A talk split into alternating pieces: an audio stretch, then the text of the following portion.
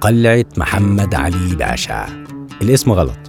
الصح اسمها قلعة الجبل لأنها كانت مقر حكام مصر وسكنهم لمدة 689 سنة.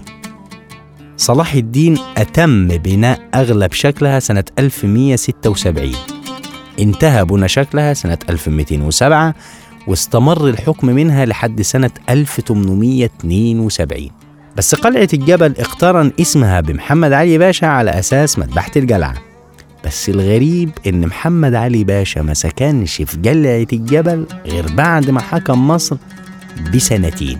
طب ليه؟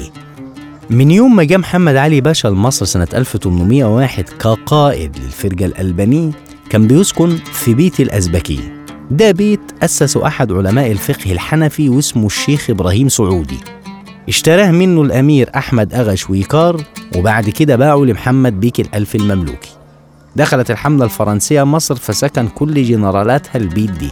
وبعد ما الحملة مشت من مصر سكنها محمد علي باشا سنة 1801 ووسع البيت دي. محمد علي باشا ما سابش بيته اللي في الأزبكية ده من لحظة ما دخل مصر لحد ما وصل الحكم غير مرة واحدة بس. يوم ما احتفل المصريين بذكرى عاشوراء سنة 1218 هجري الموافق 2 مايو سنة 1803 لما قرر عساكر الأرناؤوط يهاجموا بيت محمد علي باشا عشان يغتالوه وياخدوا حريمه. سبايا انتقاما منه. بسبب إن عساكره مش بيشاركوا في نهب المصريين.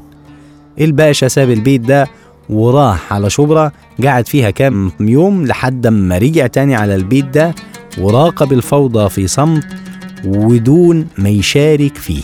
لحد ما الزعامة الشعبية رشحته سنة 1805 عشان يتولى الحكم من قلعة الجبل. بس هو ما سكنش فيها وإنما كان بيمارس مهام عمله بس لحد بالليل. وبعد كده يرجع يسكن في الأزبكية تاني. قعد على الحال ده سنتين لحد ما اتهزمت حملة فريزر. طيب ليه محمد علي باشا اللي الناس كلها حبته ورشحوه للحكم ما سكنش في الجلعة غير بعد ما حكم بسنتين؟ كان دهاء سياسي منه. سبب رفض الباشا إنه يسكن في الجلعة بعد ما وصل للحكم على طول؟ إنه كان عاوز يأكد إنه بيته في الأزبكية وسكنوا فيه؟ ده معناه إنه قريب من الشعب والزعماء اللي وصلوه للجلعة.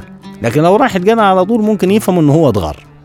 عبد الرحمن الرافعي في صد 107 من كتاب عصر محمد علي باشا طبعة سنة 2000 اتكلم عن الجزئية دي وقال الواقع أن سكن ولي الأمر في الأزبكية أي في قلب العاصمة يجعله أميل إلى الإصغاء لمطالب الشعب إذا هاجت خواطره لأن الأزبكية كانت الميدان الذي تحتشد فيه الجموع إذا حفزها حافز من شكوى أو احتياج.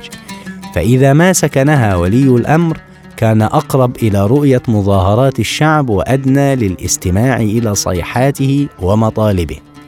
أما إذا استقر في القلعة فكأنه يريد أن يمتنع في قمة الجبل ويضع نفسه مع المدافع المتسلطة على البلد ويصم أذنيه عن سماح صيحات الجماهير وينظر للقاهرة كما ينظر النسر المحلق في السماء إلى فريسته على الأرض.